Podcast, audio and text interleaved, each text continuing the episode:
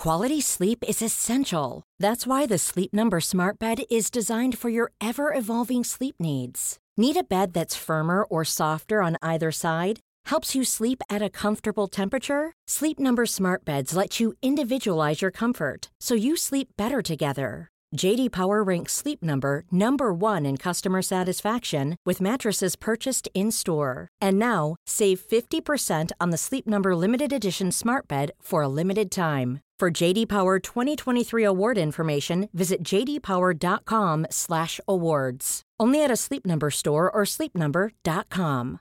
When you make decisions for your company, you look for the no-brainers. And if you have a lot of mailing to do, stamps.com is the ultimate no-brainer. It streamlines your processes to make your business more efficient, which makes you less busy. Mail checks, invoices, legal documents, and everything you need to keep your business running with stamps.com.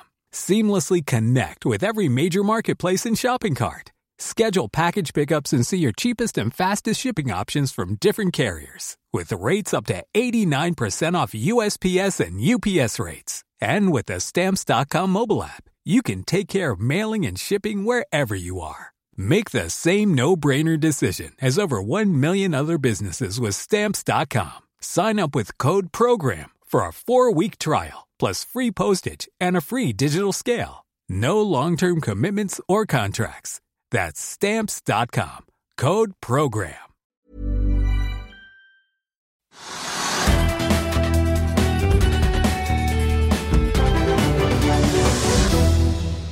Velkommen til Økonominyhetene, eller det som kanskje burde hete i dag Rentenyhetene. For det har vært rentemøter i både USA, Storbritannia, Den europeiske sentralbanken og ikke minst her hjemme i Norge. Og vi skal straks snakke med både Trygve Hegnar om det og Marius Konsholt Holt fra Handelsbanken. Vi skal også få teknisk analyse av Nordic Semiconductor. Men først må vi ta unna litt av dagens nyheter og se litt på hvordan markedet ser ut nå. Etter seks dager med nedgang så har hovedindeksen nå skutt opp 1,9 i dag, var opp 2,2 på det meste. Det skjer etter en solid oppgang i USA på tampen av gårsdagen, der Nasdaq endte opp 2,2% SMP opp 1,6 og Dow Jones 1,1 etter rentemøtet der borte, som vi skal komme litt tilbake til. Dagens vinnere ellers er bl.a. Kahoot, Sentinel og Scatec. Oljeselskapet Petronor har falt kraftig, 11,7 i går og nye 12 i dag. Det skjer etter, etter, meldingen i går om at Økokrim igangsatte en razzia i selskapets lokaler. Og i morges kom det en ny melding fra selskapet om at administrerende direktør Knut Søvold hadde blitt arrestert av Økokrim ettersom han er en, person, en, av personene som er under etterforskning. Det er styremedlem Jens Pace som er konstituert som sjef i selskapet inntil videre. Økokrim er ordknappe, men bekrefter korrupsjonsetterforskningen i en melding i dag. De skriver at den er knyttet til prosjekter i Afrika, og sier sitat at verken Petronor eller andre selskaper er siktet.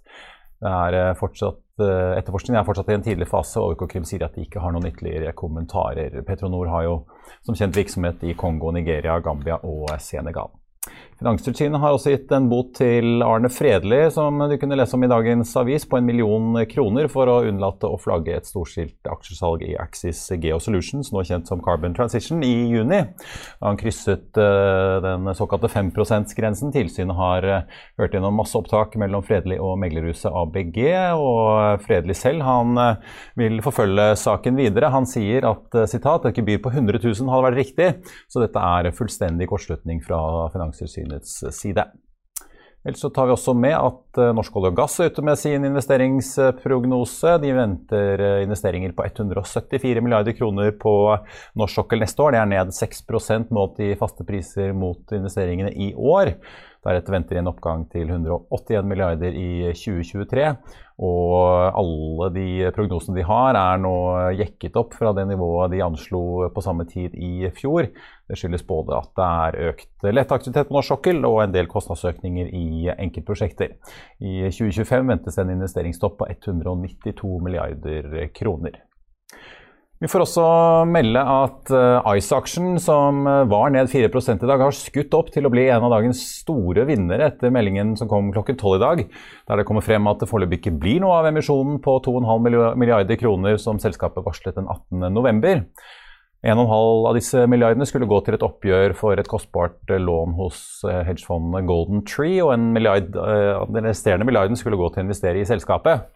Etter at DNB Pareto og rådgiveren Lassard Company har vært i dialog med både finansielle og industrielle investorer, så er tilbakemeldingen på at flere av investorene foretrekker en alternativ struktur på kapitalinnhentingen. Ice eh, mener likevel at det er appetitt i markedet for en transaksjon, og lister opp både en emisjon, gjeldskonvertering og andre strukturelle grep som fusjon med andre selskaper som mulige veier fremover. Ice skriver at de imidlertid ikke rekker noen rekapitalisering før nyttår, og dermed går også avtalen de hadde med Golden Tree ut. Aksjen den eh, ligger nå på 5 kroner og 38 øre. Det er opp 38 øre fra den sluttkursen vi så 18.11, da aksjen altså kollapset ned 62,5% fra 13,35 til 5 kroner blank. Ja, Trygve, hva skal vi si om eh, markedet ellers i dag? Eh, vi måtte bare ta unna alle disse sakene som går. Det er så mye, mye, dramatikk. Men eh, skal vi snakke litt bredere om markedet? Ja, ja altså du tok jo det meste, faktisk. Og det er jo da mye Det meste dreier seg om rente i dag, det skal vi snakke om etterpå. Men jeg syns det var ganske morsomt og interessant i går, sånn rent faglig sett, at da de amerikanske børsene gikk opp sånn 1 2, altså 1% i alle hovedindeksene. Det var samtidig med at markedet ble kjent med det at Fed ville stramme inn, at liksom likviditetstilførselen ville bli lavere, og det sannsynligvis blir en renteøkning da på begynnelsen av neste år. Det kom samtidig. og Da det kom i markedet, så gikk kursene rett opp. og er, I lærebøkene står det det motsatte. At når man skal stramme inn og rentene går opp, og sånn, så er det litt negativt for aksjemarkedet. Sånn var det ikke i går. og Derfor var det. det, si, det var, så det var litt spennende å følge med på. Og så syns jeg da det var ganske spennende tidlig. Det, liksom, det åpnet på Oslo Børs, og markedet som du var inne på, det var opp, over 2% med en gang. og Rett opp 2% og Det skulle man heller ikke forvente, egentlig. fordi de, meste, de fleste ekspertene, samfunnsøkonomene, har jo sagt at renten skal settes opp, og at, at Norges Bank ville måtte gjøre det. Og så var det kommet en liten gruppe økonomer som sa at det er ikke sikkert de gjør det likevel, og det er synd på folk hvis de gjør det. Så man, de holder kanskje tilbake. Det tror jeg var bare et fåtall som egentlig trodde på. Flertallet ville, ønsket en høyere rente og trodde det ville komme. Og den kom. Eh, markedet bryr seg ikke om det i det hele tatt, og kronekursen styrket seg litt, men eh, markedet, aksjemarkedet var helt klart at de var rett opp og brydde seg ikke om den renteøkningen i det hele tatt. Nei. Og selv med en oljepris uh, som ligger stabilt på ja, 74-43, ja. så ingen drahjelp derfra?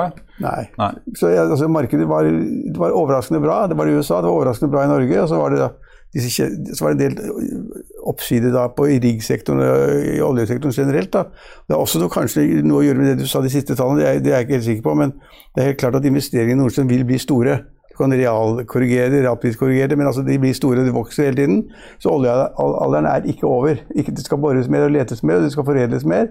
Det skal transporteres mer. Så jeg, jeg vil ikke si at det er en klar kobling, men altså meldingene om at det skal investere såpass mye, og det kommer øker hele tiden, det er bra for mange for et stort del av aksjemarkedet, det som er, olje, som er korrelert med oljeprisen. Så, det, ja, så egentlig synes jeg det var en ganske morsom dag. Morsom dag i år og morsom dag i dag. Gikk i hvert fall som det ble bra trøkk frem til 2025. ja, og så var det også, ja, det blir også, også var det også morsomt med Fredelig, selvfølgelig. Den artikkelen er også ganske morsom. At han, han er en kriger, vet du, han fighter, han er stor i aksjemarkedet, han er flink. Ja, Han er ganske tydelig på at han har ikke tenkt å gi seg. Nei, han gir, gir seg Men det er kanskje en prinsippsak for han, eller hva tror du? Nei, han er en kriger, altså. Han fighter. Han, han har litt mye ære, han skal være best i å investere. Han er, er, er jo god, gjør sjelden feil. Uh, her har han åpenbart overtrådt reglene og fått en refs for det. Og én million kroner i bot er jo ingenting for han. Så Han sier at det er helt i orden med bot på 100 000. Det er veldig sjelden folk sier det. Da sier at det er, det er, det er ikke korrekt, det er ikke henhold til reglene, vi skal ikke dømmes i det hele tatt. Han sier at ok, la meg få den boten, da. hvis den blir 100 000, så tar jeg den sånn. Men hvis det er én million, så kriger jeg i mange år. Ja, ok. Det er også morsomt. Vi får se. Det skjer ganske mye morsomt på Oslo Børs. da. Ja, Det kan jo kanskje bli noen underholdende klipp som uh, spilles av i retten, hvis dette her går hele veien. Vi får se. Ja, ja nettopp. Det var hele poenget. At uh, Finanstilsynet satt jo på bånn. Og det, de, de, går jo alltid. Det ja. vet jo Fredelig også. Så han sa litt, litt, litt, kom med noen litt dumme uttalelser. Ja. Ubetenksomme. Det er lett å gjøre når man er, er ivrig på telefonen. Dette er hemmelig. Ja, Han ville ikke dele dette med noen andre investorer, i hvert fall, sa han. Nei. Da skal vi snakke om renter. Vi får si i flertall, og vi skal straks få inn også dagens eh, gjest. Men først skal vi se litt hva som egentlig skjedde i dag, da det til slutt også ble renteøkning fra Norges Bank. Are Haram, eh, Finansavisens makroekspert, får vi si. Nå har Norges Bank økt renten eh, fra 0,25 til 0,5 likevel. Det var litt usikkerhet. Hvorfor øker de? De øker fordi at de ser store problemer med inflasjonsbildet. Og de tror at denne pandeminedstengingen kommer til å være ganske kortvarig. Så eh, Utpå våren så tror jeg at farten vil komme opp igjen. Men de sier klart at vi vil få negativ vekst i første kvartal, og vi vil få økt ledighet. Men det er altså forbigående. Vi tar et lite forbehold om at neste renteøkning kanskje kan bli skjøvet på. Hvor stor er denne sjansen, tror du? Nei, umulig å si. Eh, de, de ble pressa på det på mange måter, men de klarte ikke å si noe konkret.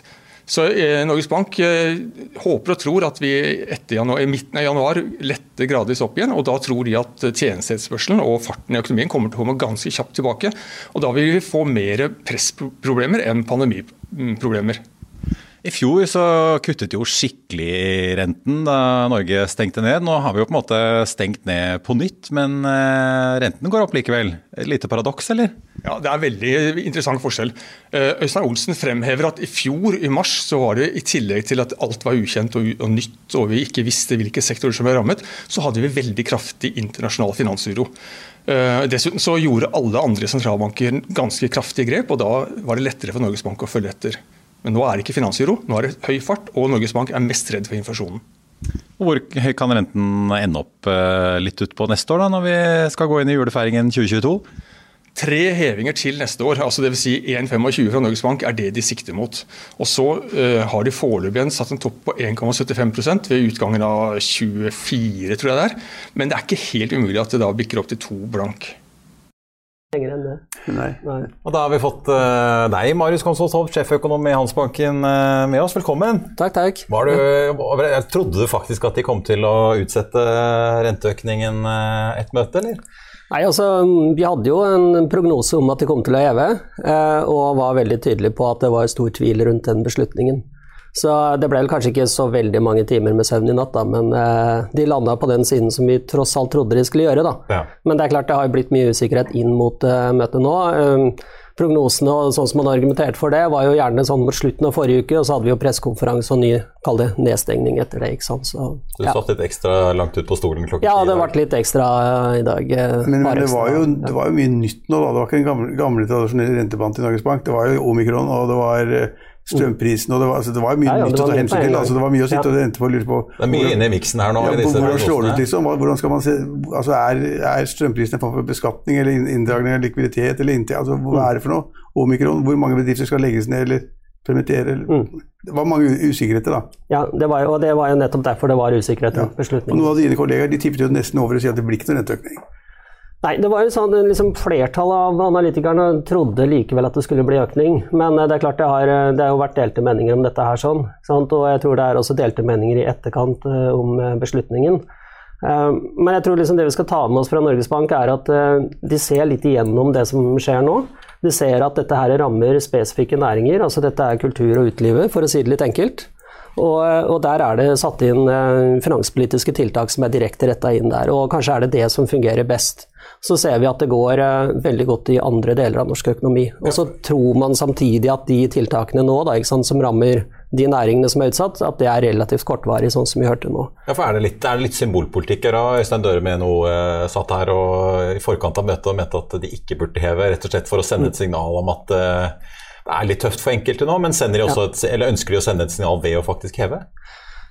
Ja, du kan jo egentlig si det sånn, da. At det illustrerer at man tror at dette er litt forbigående problemer. Eh, og at man legger mer vekt på at finanspolitikken kanskje er bedre designa for å håndtere det.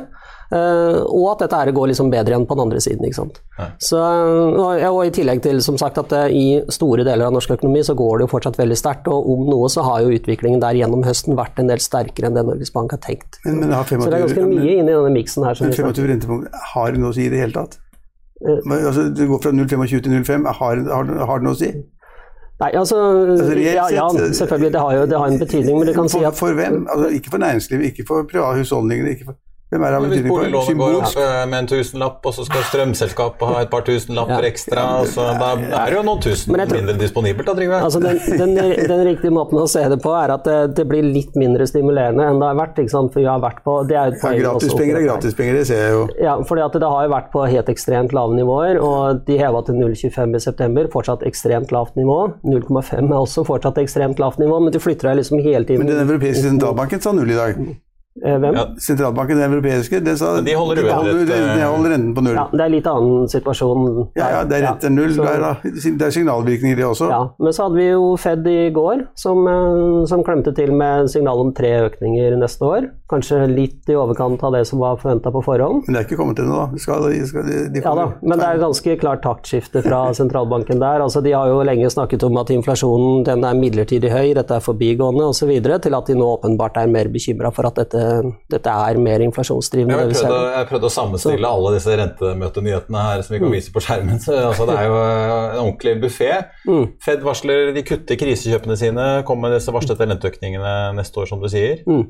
Hvordan tolker du den veldig kraftige markedsreaksjonen som var i går kveld? Aksjemarkedet gikk jo som en kule. Ja, eh, jeg tror at den reaksjonen der, eh, det er nok litt det at markedet har tiltro til at man faktisk da klarer å dempe inflasjonen fremover nå, ved å altså gå litt kjappere fram og få opp renta. Eh, uten at du da liksom går så fort fram at du kveler veksten samtidig. Så Det tror jeg er liksom bakgrunnen for det du så i aksjemarkedet i går. Hvis renten går 1 eller 2% opp, eller tiårsrenten går fra, fra, altså, fra 4 til 6, 7, 8 går til 2 da da, da, slår det voldsomt ut i amerikansk økonomi. De er mye mer følsomme overfor endringer på både husholdninger og boligbygging. og mm. Alt er jo kjemperentesensitivt ja, i USA. Men du må se i forhold til hva som har vært i forventningene fra før. Ja, altså Hvis du ser på det som har vært priset uh, i USA, altså renteforventningene der for de neste, neste, ja, si neste par årene, da, uh, så har jo markedet vært sånn at de har trodd på to til tre renteøkninger i løpet av neste år. Sånn, markedet har heller løpt i forkant av Fed uh, og sagt at det Altså Fed har hatt altfor uh, lave renter. Det er liksom det som er tolkningen. Altså, inntil nå så har Fed sagt at det blir kanskje på margin én økning neste år. Til at de liksom gjør litt sånn ja, Nå sier vi jo tre neste år. Kontra at nå er det tre. Ikke sant? Og det er mer, 24, ja. Ja, mer i tråd med det som vi allerede da har sett har vært prisa i markedet. Men det er jo rart, som jeg sa i sted, det er jo rart at aksjemarkedet går rett opp, da. Ja, Det virker som man bare prøver å finne en unnskyldning for at aksjer skal opp uansett. Ja, ja, jo, hvis renten kuttes, så går aksjemarkedet opp fordi man ikke får noe avkastning noe annet sted. Alle som kan regne, vet hva det betyr for nåverdien hvis renten går opp 1 eller 2% altså, det er jo men, men, jeg tror nok liksom det som blir tolkningen i dette, er at man har liksom tillit til at de grepene som man gjør nå fra sentralbanken at de, de Er så bra at de har kontroll? Ja, de kutter verdipapirkjøpene tidligere enn de har sagt. Og de skrur opp renta mest sannsynlig da en del mer i den korte enden enn det de hadde sagt tidligere. Og kanskje får du da tatt av litt av den der inflasjonstoppen som er har sett nå. Hva er inflasjonen nå? 6,8% eller noe? I, i, på, I, USA? Ja, på totalen så er det jo det. Ja, 6,8, det er jo en kraftig, det en kraftig prisvekst, da. Kraftig. Ja, det er jo høyeste siden sommeren 82, vel. Ja, så har vi 5,1 i Norge. Uh, ja, det er det er jo flere forhold. ja, ja, men det er, det er 5,1 i Norge. Hvis du regner med strømprisen. Ja. ja. Men hvis du, sånn. det, som er sånn. forskjellen hvis du ser på bildet av USA nå og Norge nå, så er det jo at eh, de har jo høy totalinflasjon og høy kjerneinflasjon. Ja. Og eh, de har jo også hatt en oppgang i lønnsveksten som har vært veldig kraftig denne høsten her. sånn. Så, så, det er nok mer i USA at du ser at summen av all stimulans, både penge- og finanspolitikk, har vært i kraftigste laget. Ja. Eh, men du ser litt tendenser her hjemme også. At eh, presset i norsk økonomi denne høsten her har vært sterkere enn Norges Bank har tenkt. Det har vært mer press i arbeidsmarkedet, større etterspørsel etter arbeidskraft relativt til tilbudet, for å si det på den måten. Og lønnsveksten da liksom. Burde ikke Norges Bank så, som ekspertorgan ha sett for lenge siden at disse østeuropeerne ville reise hjem, ikke komme tilbake? At det ville bli knapphet på arbeidskraft i mange, mange bransjer, enten bygg og anlegg eller hotell og restauranter. Det Blir bare stå totalt på grensen. Altså kom, de kommer jo ikke tilbake. De, altså de, har jo, de, har jo, vært inne på disse forholdene her, men det er jo alltid vanskelig å vite um, i hvilken grad, da, ikke sant? Og, og, hvor langvarig det blir osv. Det er jo flere forhold som også har gjort at det har blitt et mer ubalansert arbeidsmarked i Norge i løpet av høsten. Eh, men konsekvensen er i hvert fall at vi som da som sagt har lav kjerneinflasjon for øyeblikket, så vil vi også nå se at kjerneinflasjonen her hjemme presses mer oppover igjen fremover. Så det er også et uh, viktig forhold sånn bak beslutningen til Norges Bank. Hva er kjerneinflasjonen nå? Nei, altså Den er jo på 1,2% 1,3% Det er jo ikke noe kjerneinflasjon. Nei, men det er situasjonen nå. Ja. Og det er veldig styrt av ting som har skjedd bak oss. Og videre fremover så er det jo liksom hva skjer med lønns- og prispresset generelt i økonomien, og kostnadspresset da, i økonomien. Det er det som dytter kjerneinflasjonen du, du, er, du er eksperten mye bedre enn oss, men altså lønnsveksten i til neste år tariffoppgjørene, altså det blir 3,5% ja, men det er... Tror du ikke LO krever, krever å få dekket strømregningen, da? Nei, det blir sånn 3,5% eller 3,6 eller 2, ja, altså 3,2 ja. eller Men hva, tenk, hva, tenk, hva tenker du er normal lønnsvekst i Norge, da? Nå, ja, nå, nå, tror jeg den ligger på rundt 3% 3 ikke sant? Ja. Det, er, og det, det, betyr at i en normalsituasjon så bør jo da kjerneinflasjonen også være rundt 2 ikke sant? Fordi at eh, Du har da en nominell løn- lønnsvekst i en normal situasjon rundt 3% Du har en produktivitetsvekst på rundt 1% Da får du en kostnadsvekst på 2 ja. Ja. Så hvis du da begynner liksom allerede opp på de nivåene og i overkant, når du begynner å snakke om lønnsvekst på 3,5% så er du da egentlig på en kostnadsvekst som er enda mer på vei opp. ikke sant? Så, så det snur veldig fort. eh, altså Inflasjonsutviklingen Vi har jo gått fra veldig høy inflasjon, høy kjerneinflasjon under pandemien pga. kronesvekkelsen som vi fikk i, eh, helt sånn helt i starten, til at dette reverserte seg og vi fikk veldig lav kjerneinflasjon, men nå er det mer på vei opp igjen. Og nå er det drevet mer av eh, ikke bare impulsene fra utlandet, men, men også av sterkere lønnsvekst her hjemme. sant? Quality sleep is essential. That's why the Sleep Number Smart Bed is designed for your ever evolving sleep needs. Need a bed that's firmer or softer on either side? Helps you sleep at a comfortable temperature? Sleep Number Smart Beds let you individualize your comfort so you sleep better together. JD Power ranks Sleep Number number 1 in customer satisfaction with mattresses purchased in-store. And now, save 50% on the Sleep Number limited edition Smart Bed for a limited time. For JD Power 2023 award information, visit jdpower.com/awards. Only at a Sleep Number store or sleepnumber.com. I'll see you in court. Vi sier det ofte litt på spøk, men for deg som driver business, er det aldri moro å innse at du ikke har laget en 100% gyldig kontrakt. Du bør ikke risikere hele firmaet ditt fordi du synes dette med kontrakter er litt stress. En avtale er ikke en avtale. Du kan miste kunder, miste venner, ja, til og med miste inntekter om du ikke lager en skikkelig kontrakt, på alt mulig, egentlig. Men vi vet det er et styr. Kopimaskiner, treg printer og haugevis av papir. Dessuten stoler vi jo på folk her i landet. Det er ofte litt kleint å skulle be om en signatur for alt mulig, ja, for mye av styret handler også om jakten på underskriften. Det finnes en enkel måte å løse dette på, Dukkobit, en trygg, effektiv og get this, gratis måte å sikre seg en god natts søvn pluss en juridisk bindende avtale. Dukkobit-appen har de strengeste sikkerhetskrav i bunn, samt en EU-godkjent og sertifisert teknologi. Framover vil det bli behagelig å spørre du, skal vi skrive under på det, eller? Kom i gang på dokobit.no. Jeg bet meg merke en ting. altså de, de, Norges Bank skriver jo da at uh, hvis man får liksom flere eller mer varige tiltak som bremser aktiviteten utover våren, så kan videre renteoppgangen bli skjøvet ut i tid. Hva, hvor, hvor ille må det bli, tror du, før de faktisk begynner å skive, Ja, og ikke følger planen din? Alltid vanskelig å si at det er noen sånne terskelverdier akkurat eh, eksakt. Sant? Og, og det vil alltid være andre forhold som også spiller inn. Men, men det er klart de, pe- de vi ser nå, var åpenbart ikke nok. Nei. Eh, nei, og, og det er klart, men de trekker fram liksom to, to risikofaktorer her. Da. Når de ser på liksom, hvordan er risikobildet fremover, så er det det ene som du sier, og det andre det er at vi kan få mer press oppover på priser og lønninger. Og så mener jeg at sånn, hvis du ser litt sånn imellom dette her, da, og hvis det går sånn som de tror, så, så mener de at da kan de forsvare en videre renteøkning, og den kan komme da allerede i mars. Den, men den er ikke like sikker i mars nå som det de sa i september. Det, det er greit å ta med seg, så det er litt mer usikkerhet sånn i det korte bildet her, sånn, men i det store og det hele så holder Norges Bank på renteplanene for det Ja, kommende og, året. og, og og de planene, de vet jo det, Ar- Aram sa det på TV også, altså da, rentebanen er slik at da, i utgangen av 24, Mm. utgangen av 24 så skal renten ligge der på 1,75 eller sånn nå. Mm. Ja, men det er ikke noe rente det heller.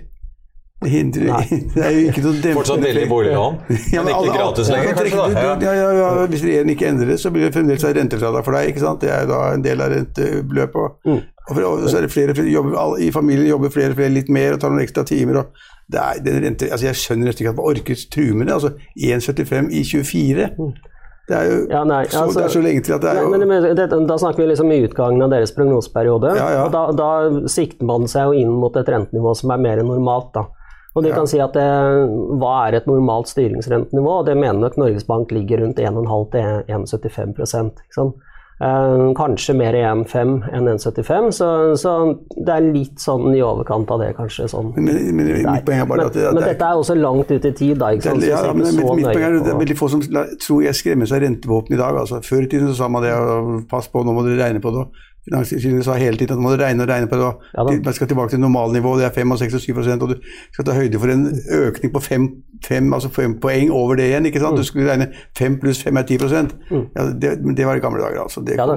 Men det er fortsatt sånn at det, dette merkes for mange. fordi at vi er jo i en situasjon nå hvor vi har en ganske høy gjeldsgrad blant husholdningene. Det har jo økt videre under den pandemien. øker jo alltid, da. Eh, jo, men det betyr at hver gang renta da øker litt, så Ja. biter det enda litt mer. Ja, ja, så jobber folk litt hardere, så tjener de litt mer, og så går det bra hver gang. Jeg, har hørt det samme i 30 år, jeg. Men det jeg vil høre med deg, Marius, altså nå, hvis du ser på Vi må ta det til slutt òg. Altså ECB og, og Fed, da, eh, amerikanske og europeiske sentralbanken. Nå, nå tar Fed og går fra 120 milliarder dollar i sånne obligasjons- og, verdipapirkjøp i måneden mm. i november til 60 i januar, altså en halvering. Og ECB sier de skal slutte å ta mer penger inn i dette kriseprogrammet sitt for pandemien eh, fra mars. Mm. Hvor mye har det der å si, egentlig? Det er jo voldsomme summer. Men liksom, Ja, det er store sett, summer, men- men igjen så blir jo spørsmålet liksom ved markedet, sånn som du leser det? Ja, altså Igjen så blir jo spørsmålet hva som allerede har vært priset inn i markedet. da. Sant? Og nå har jeg ikke fått sett nøye på det som har kommet fra ECB, det var rett, Nei, det kom rett før vi gikk på lufta her, ja. på lufta her. Men, men det, er, det har jo også vært varsla at eh, man tar ned dette eh, PEP-programmet, dette ekstraordinære støttekjøpene. Og så har man jo da andre kvantitative lettelser som ligger og durer i bånn, og da har jo forventningen vært at da jekkes dette litt opp. Og det, vi bare fikk en melding i stad om at det, det er nettopp det som skjer, for å glatte litt den overgangen der. Og så vil det jo også være sånn at eh, dette PEP-programmet også kan reintroduseres da, hvis det er behov for det. Så jeg tror nok det er et viktig poeng for eh, ECB at de har stor grad av fleksibilitet. da. Og, og det de ønsker å kunne reagere mot, det er hvis du får finansielle forstyrrelser, og da er det særlig hvis du får spreddutgang, altså hvis, hvis rentene stiger veldig mye for, for periferilandene, så er det et poeng å få dempa det. ikke sant? Så, så jeg tror det er nettopp det at de har eh, fortsatt verktøy i bruk, da, hvis det skulle være nødvendig. Før, du stikker alt det altså, strømprisene de er jo høye. Altså, de er jo historisk sett, og de er høye. Og Det tapper jo husholdningen for masse penger, som betaler 5000 i måneden istedenfor 2000. Har det en effekt for totaløkonomien? Altså, drar det penger inn fra husholdningene, blir det mindre å bruke? Kommer vi til å merke det at den alminnelige husholdningen kommer til å bruke mindre penger på andre ting enn strøm? Ja, altså Det har jo en effekt eh, at eh, totalinflasjonen har jo blitt høyere enn eh, Norges Bank har, har regna med. den har gått opp, og den går ned igjen. Den går litt, litt Ja, ned igjen. men, men likevel så er det mer innstrammende nå. Ja. eh, Sånn, altså Kjøpekraften reduseres mer her og nå. Ganske enn det kraftig. hadde sett for seg. Ja. Sånn, så, men, men likevel så tror jeg ikke det er liksom Det slår liksom ikke beina under eh, Veksten. konsumprognosene fremover. Og veksten, kanskje? Og Nei. veksten. Og eh, nå er det jo dels fordi at eh, myndighetene går inn og tar deler av strømregninga nå i en periode hvor det er ekstra dyrt.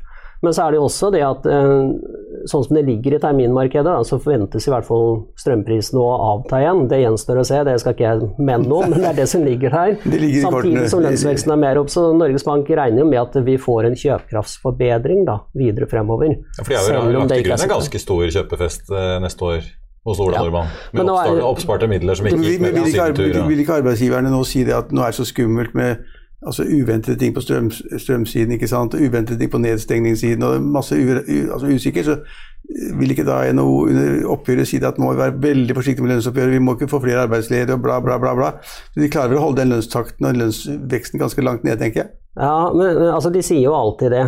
Ja. det, det Uansett så sier man det inn mot et lønnsoppgjør. Men så er jo realiteten sånn at er det press i arbeidsmarkedet, så øker tilleggene uansett.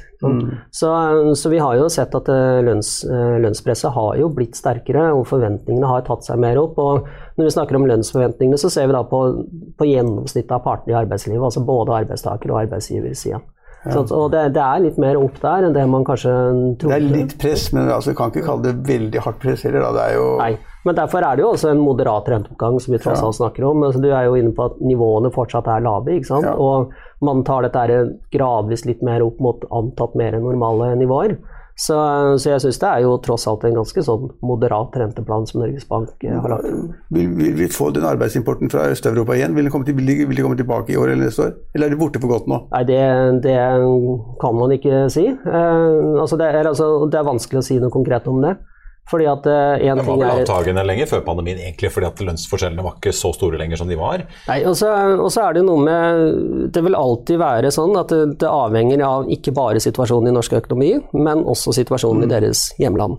Så det er alltid et sånn relativt eh, eh, forhold der som man må ta hensyn til, i tillegg til innreiserestriksjoner og testing og karantene osv. Så, videre. sånn, så, Så det er jo liksom, det er ikke opplagt at det uh, tar seg raskt opp igjen. da. Sant? Nei, men det, det er et veldig godt poeng. Altså, hvis, hvis, hvis, de innfører enda strengere reiserestriksjoner, eller på grensen testing og hva det måtte være, mm. så vil det bli enda færre arbeidsinnvandrere til Norge. Det er rimelig sikkert. Og da kan presset i markedet, arbeidsmarkedet bli ganske tøft. Mm. For da vil det jo mangle 100 000 eller 200 000 arbeidstakere. da.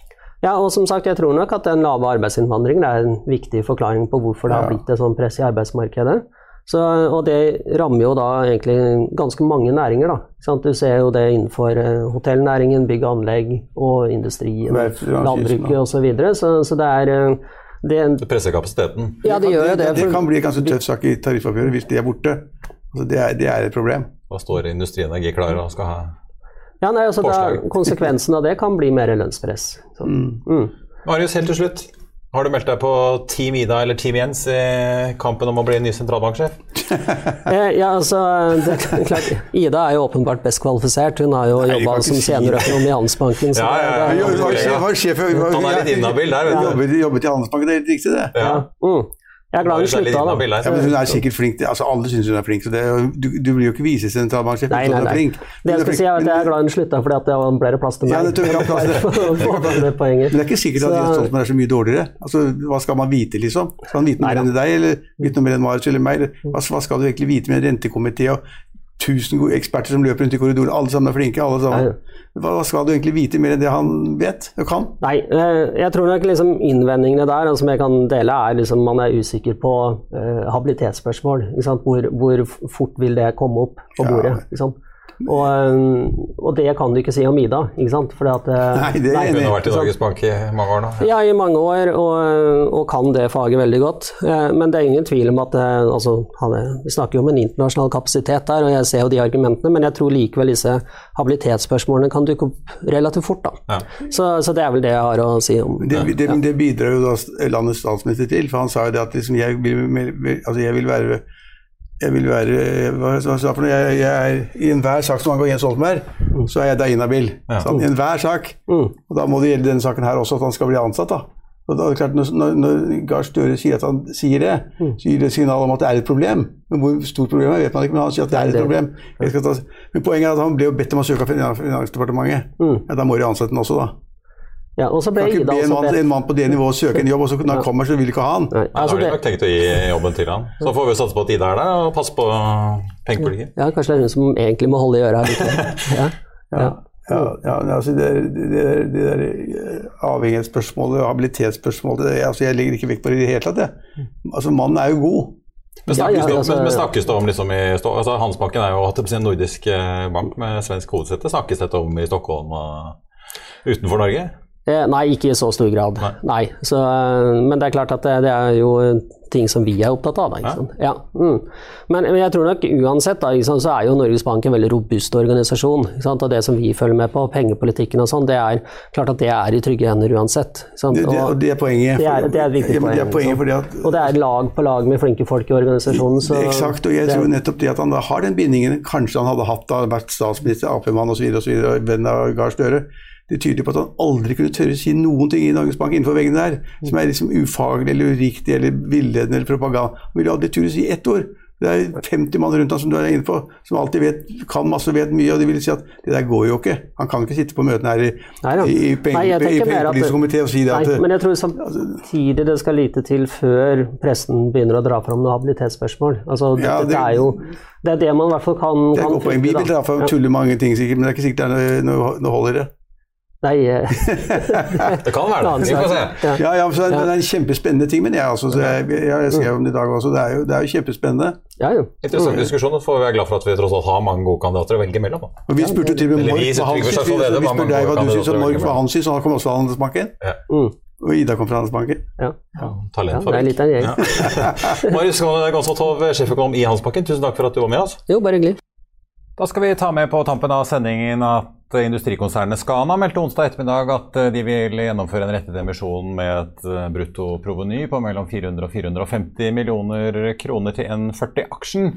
Det er eh, så langt mottatt forhåndstegninger på totalt 407 millioner kroner fra utvalgte investorer. Aksjen er ned 12,4 i dag til 1,64, altså 24 øre omtrent. Da over emisjonskursen. En annen aksje som er verdt å nevne, er Desert Control. Den har jo steget mer enn 200% siden debuten på Euronex Growth i april i år. Aksjen steg ytterligere 8 tidligere i dag, til 41,90. Nå er den ned 0, nei, opp 0,6% til 38,90 og Pareto-analytiker Carl Jørgen Flaen. Han har ståltro på aksjen, det kan du lese mer om på ekva.no. Ellers får vi også ta med at uh, det ser jo ut til å bli et ordentlig rekordår i år på Oslo Børs for antallet nynoteringer. Så langt er vi oppe i 66 noteringer, og det kan bli 68 hvis vi regner med den planlagte noteringen av shippingselskapet Himalaya til uh, uh, Tor Olav Trøim. Og så har det også nå i ettermiddag kommet melding fra Oslo Børs om at CO2 Capsule de tas opp til notering. Det blir altså den 67. noteringen i år. Og den er planlagt til 20.12., eh, altså til uken. Så skal vi få med også på slutten at eh, hovedindeksen er opp 1,8 eh, nå i dag. Så dermed ser det ut til at den gode oppgangen vi hadde helt fra starten, ser ut til å holde inn mot Eh, slutten. Futuresene på Wall Street eh, ligger fortsatt opp eh, både for Nasdaq og SMP, så det ser ut som den optimismen vi så og rusen vi så i går kveld, den vil fortsette utover kvelden i dag. Det er også fortsatt grønt på børsene rundt oss i Europa.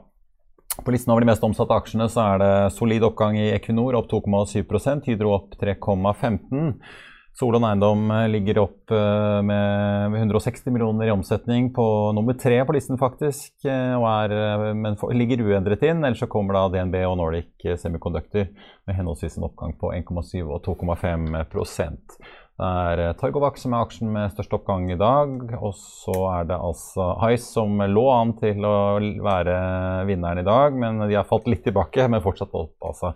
25,7% etter meldingen om at det ikke blir noe av den planlagte emisjonen. I hvert fall i den eh, formen som den var annonsert i november. Aksjen som er mest nede i dag, det er Softox Solutions ned 24 i Finansavisen i morgen kan du lese Trygve Hegnars leder om at restauranteiere, barer og hoteller har fått nok av regjeringens politikk, og at vi ikke forstår at man ikke kan få et glass vin med maten. Du kan lese om hvor mye verdiene til Jon Fredriksen har økt i 2021, og du kan lese hvorfor DNB Markets tror Carasent kan stige ytterligere 60% Det var det vi hadde for i dag, men i morgen er det fredag. Det betyr at vi er på luften igjen klokken 13.30. I mellomtiden får du som alltid siste nytt på fa.no. Takk for at du så på, og så håper jeg vi ses igjen i morgen.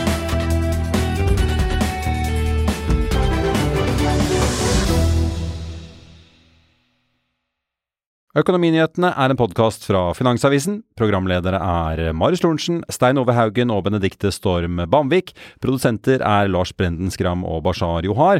Og ansvarlig redaktør er Trygve Hegnar.